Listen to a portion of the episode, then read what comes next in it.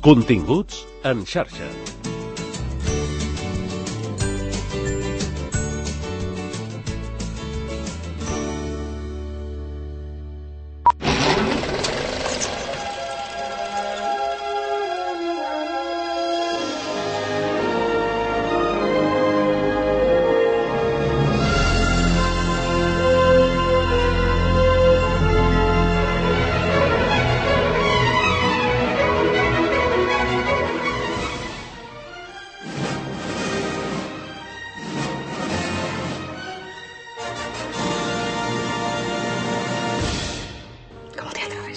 Amb sexe o sense sexe, m'he relacionat al llarg dels anys amb tota la gent important que ha sortit als suplements culturals dels diaris.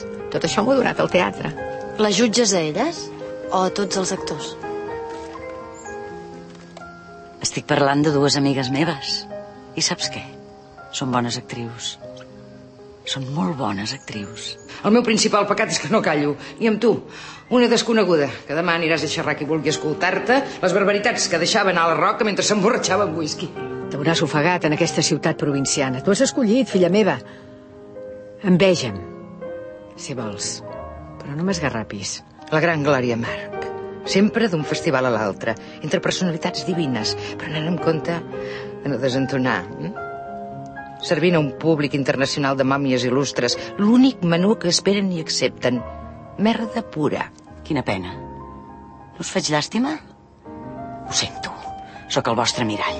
Què sents quan es fa la llum i has de sortir a actuar? Terror. Encara avui? Més que mai. Ah, jo també. Jo també. I és magnífic. Surto a la llum i vomito el meu terror que es va convertint en paraules. Vomito la meva història, m'aplaudeixen. I segueixo sola, però alguna cosa hi he guanyat. La força per tirar endavant. Hola, amics. Això és Cinema a la xarxa i qui us parla és en Víctor Alexandra. Aquest conjunt fragmentat d'escenes cinematogràfiques amb què hem obert el programa pertany a la pel·lícula Actrius, basada en l'obra E.R. de Josep Maria Benet i Jornet, que Ventura Pons va rodar l'any 1997 amb Núria Espert, Rosa Maria Cerdà i Anna Lizaran, fent de grans dames al teatre, i amb Mercè Pons en el paper d'estudiant d'art dramàtic que les entrevistava. És una de les grans pel·lícules de Ventura Pons i avui serà ell el protagonista d'aquest cinema a la xarxa eh, a títol d'homenatge, atès que ens va deixar el 8 de gener passat a l'edat de 78 anys i en un moment en què encara somiava a fer moltes pel·lícules més. Eh, Ventura Pons inicia la seva carrera cinematogràfica l'any 1997, quan té 32 anys, amb Ocaña, retrat intermitent, sobre la persona del pintor transvestit José Pérez Ocaña, que va tenir un gran èxit de públic. Fins i tot va competir al Festival de Canes, i després eh, ell torna a tenir un gran èxit amb El vicari d'Olot, amb guió d'Emili Teixidor, i també La Rosa del Bar, que va llançar l'actriu Núria Hosta amb una banda sonora de Gato Pérez. Després van arribar Puta Misèria, amb Antonio Ferrandis i Amparo Moreno, i Què t'hi jugues Maripili, la favorita de Ventura Pons, un altre èxit amb Núria Hosta, Blanca Pàmpols, la, de, la ja desapareguda Mercè Lleixà, Amparo Moreno i Lloll Bertran. Va ser justament entre aquestes dues pel·lícules que Ventura Pons va ser víctima d'un fet que va estar a punt de costar-li la vida. Era l'estiu del 1989, tenia 44 anys i gaudia d'unes vacances a Mèxic amb un amic que era metge. Una nit que ell volia anar cap a casa i l'amic el va convèncer de, de fer una última copa en una discoteca i tant, tant de bo no hi hagués anat, o tant de bo l'amic eh, no l'hagués pogut convèncer, perquè va resultar que va passar una cosa terrible. Mentre es corcollaven l'amic a l'entrada, a Mèxic eh, hi ha molta gent que va armada, eh, algú va disparar una pistola i una bala va entrar per l'esquena de Ventura Pons. Li va travessar el cinturó i es va allotjar a pocs centímetres de la columna. La bala no anava pas contra, contra ell ni contra l'amic. Eh, uns individus havien volgut assassinar l'amo del local, però van fallar, i van fallar tant que la bala va tocar Ventura Pons. Per sort, el cinturó va desviar un xic la trajectòria, perquè si no arriba a ser per això, li hagués tocat eh, la columna i l'hauria condemnat a anar sempre, per sempre més, en cadira de rodes. Anys després, ell ho explicava així a Sílvia Coppolo, des del divan del programa El Suplement de Catalunya Ràdio no? que em claven de casualitat perquè no em vaig ser on em tocava estar en un moment determinat, un tiro amb un altre i, em, i, I et disparen un tret. Em, mentre a mi i aleshores... T'entra una bala a l'esquena? A l'esquena al costat de la columna. Va ser la, el, el cinturó que va, va frenar una mica la bala i bueno, va dir, no em va tocar la columna que estaria amb cadira de rodes però tampoc em va tocar cap cosa vital com va tocar de, Mm, gent que després ja em vaig trobar doncs, amb els hospitals de que els portaven i es morien allà al costat. No, no. I aleshores, quan has passat una experiència així, mm, que jo l'explicava, quan vaig començar a explicar, l'explicava en clau d'humor. I molt divertida molt divertida, perquè l'humor no és més que una tragèdia explicada d'una altra manera, no? El 9 de febrer del 2013, Ventura Pons explicava així com va ser víctima d'això que se'n diu danys col·laterals, quan uns individus, uns individus que no coneixia, volent matar una altra persona, van estar a punt de matar-lo a ell o de ferir-lo per sempre eh, doncs, disparant una pistola. Ell, des d'aleshores, guardava la bala en una capseta i, com hem sentit, en parlava amb naturalitat, però li va costar. Al principi no podia parlar-ne, no n'era capaç. Després sí, després ho feia fins i tot amb humor en el llibre 54 dies i escaig sobre les seves experiències viatjant. Eh, Ventura Pons era un director molt prolífic, tan prolífic com Woody Allen, i rodava una pel·lícula cada any. Normalment ho feia a l'estiu perquè deia que el temps és molt més estable i presenta menys imprevistos a l'hora de rodar en exteriors. Va rodar Aquesta nit o mai, inspirada en el somni d'una nit d'estiu de Shakespeare, Rosita Plis, amb Amparo Moreno, Mercè Arànega i Joel Joan, Carícies, amb David Selves, Laura Conejero i Julieta Serrano, Amic Amat, amb Josep Maria Pou i Rosa Maria Cerdà, eh, Morir o no, amb Carme Elias i Lluís Omar, Anita no perd el tren, amb la Cerdà i José Coronado, Menja d'amor, un film molt interessant amb, amb actors estrangers sobre la, les relacions homosexuals, i entre d'altres roda un film que té un èxit enorme, El perquè de tot plegat, una adaptació del llibre de Quim Monzó. El film recull 15 contes del llibre i un dels que van causar més impacte per les coses que diu analitzaran és aquest titulat Submissió. Des de puber vaig fugir dels xitxarelos que es passaven el dia parlant-me d'amor. D'amor. Vull un home que no parli mai d'amor, que no em digui mai que m'estima. Trobo que és ridícul un home amb els ulls enamorats i dient-me t'estimo.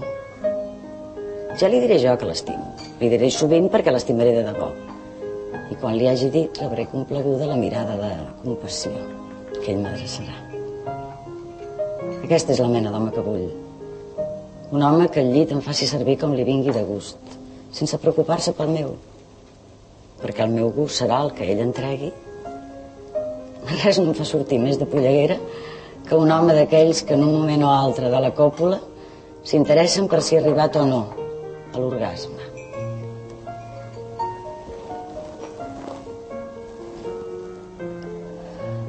Això sí, ha de ser un home intel·ligent, que tingui èxit i amb una vida pròpia, intensa. Que no estigui pendent de mi, que viatgi i que no cal que sigui gaire d'amagat tingui altres dones a més de mi. A mi no em fa res, perquè ell sabrà que sempre, només que em faci un xiulet, jo seré als seus peus, pel que vulgui manar. Perquè vull que em mani. Vull un home que em faci una dreta, que em domini, que quan li vingui de gust m'engrapegi davant de tothom, sense miraments.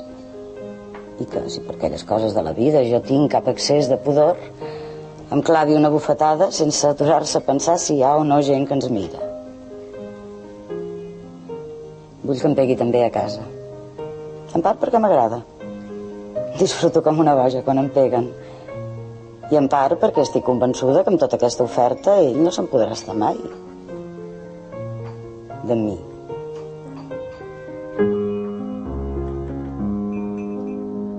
Fa angúnia, oi? Sentir aquesta confessió d'una dona submisa que demana ser maltractada?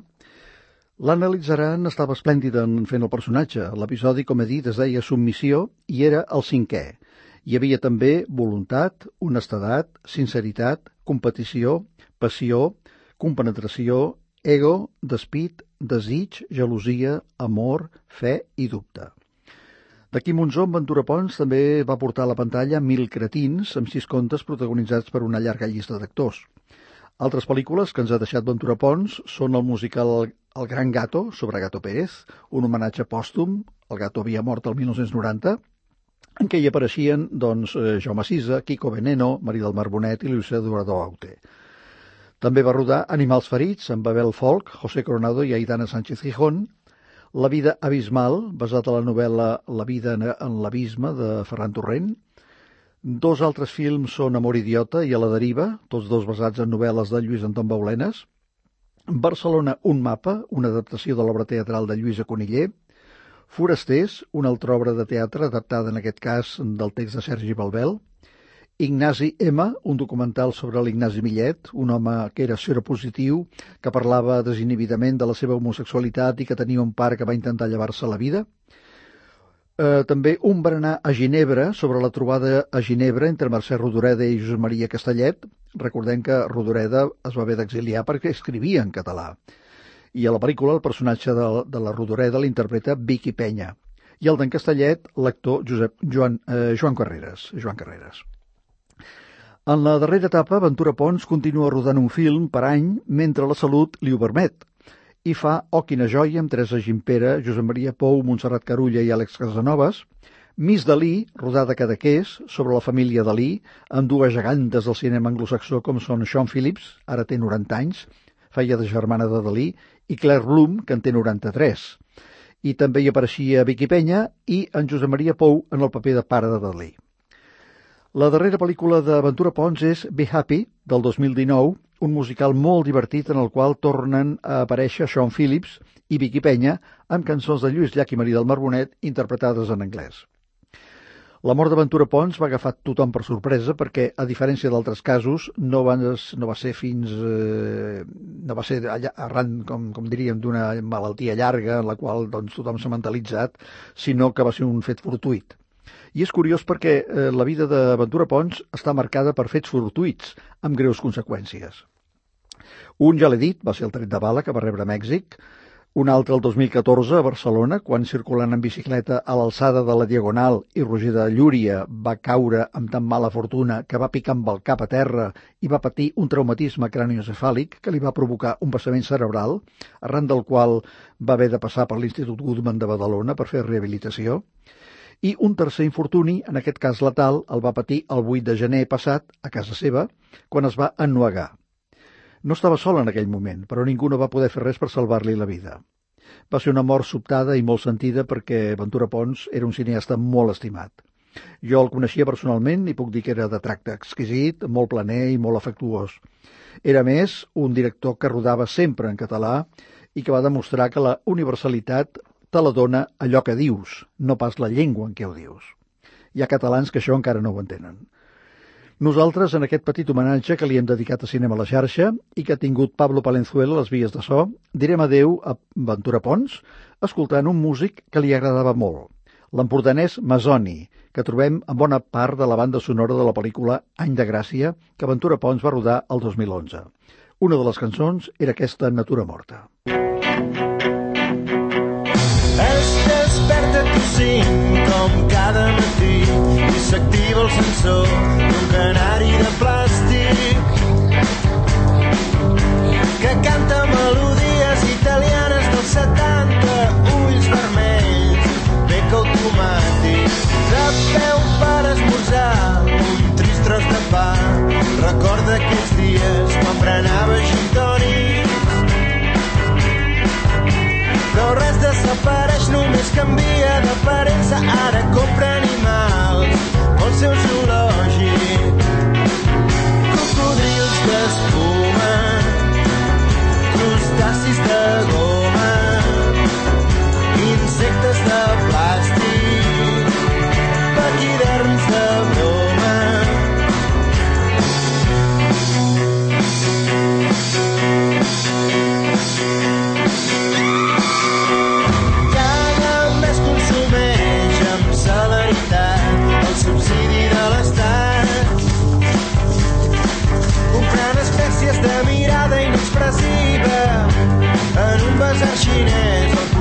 Casa seva i quan cau el sol s'adorm al sofà com un nadó. Les rates corren lliures per la cuina